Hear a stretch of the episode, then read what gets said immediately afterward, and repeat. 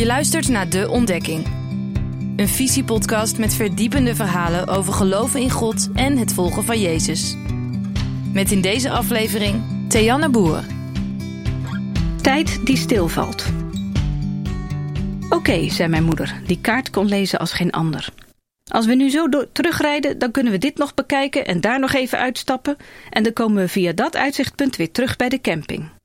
En dat zei ze dan aan het einde van een lange dag, die al rijkelijk gevuld was met bezienswaardigheden en door de reisgids aanbevolen groene weggetjes. Ook op vakantie hadden wij nogal eens een haastgevoel.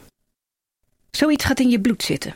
En nog steeds betrap ik mijzelf op het maken van een programma in de vakantie. Als we nou vandaag dit gaan doen, dan kunnen we morgen naar dat museum en dan hebben we ook nog tijd om daar te gaan wandelen. En dan wordt het weer eens tijd om naar een andere camping te gaan.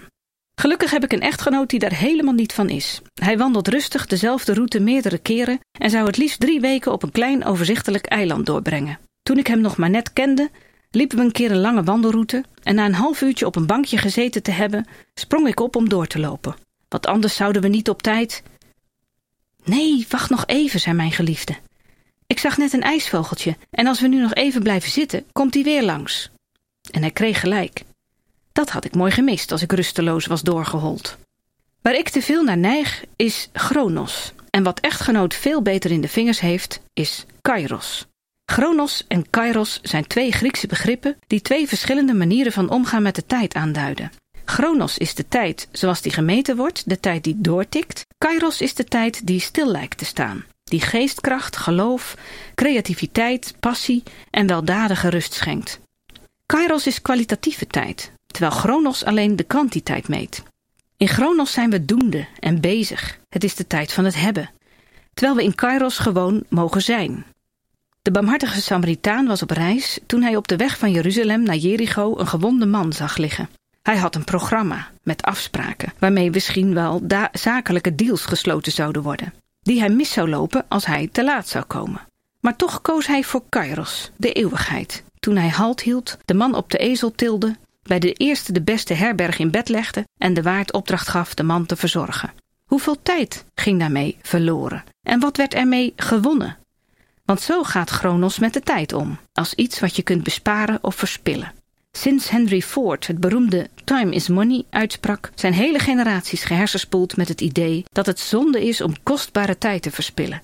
Tijd moet iets opleveren en dat iets is, let maar op, bijna altijd geld.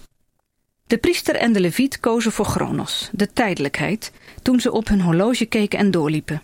Ze moesten op tijd in de tempel zijn, want ze dachten dat God hen daar verwachtte en niet bij de gewonde man aan de kant van de weg.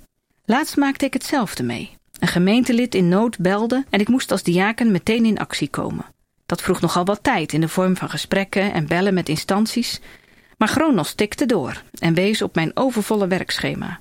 Ik had eigenlijk helemaal geen tijd voor mijn naasten en dus niet voor die dingen die er in de eeuwigheid toe doen. Dat geldt trouwens niet alleen voor zoiets als hulpverlening. In juni bloeiden de vlasakkers op Zuid-Beveland en vlas is het allermooiste wat er is. Maar ik heb er maar één keer met een fototoestel even bij staan kijken, terwijl ik er met een thermosfles koffie een hele ochtend naast had moeten zitten. Want dat had mij pas echt wat opgeleverd: verwondering, rust, vreugde en schoonheid. Dit zegt de Benedictijn en schrijver Anselm Grun over Chronos en Kairos. Chronos was de oergod die zijn kinderen opat. Dit is een beeld voor de tijd die wij meten via de chronometer. Ze eet ons op. We hebben steeds minder tijd. Ze glipt ons uit de vingers.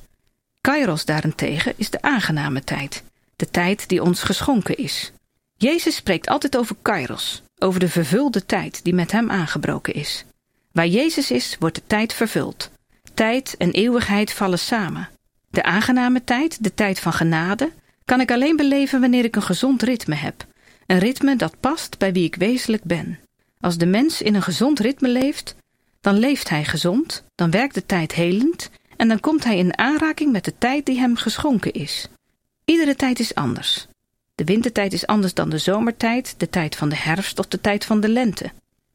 Wie leeft in het ritme van de tijd, krijgt gevoel voor de heilige tijd, die hem door God geschonken wordt. Dankjewel voor het luisteren naar deze visiepodcast. Vond je het leuk? Geef ons dan even een beoordeling in je podcast-app. Tot volgende keer.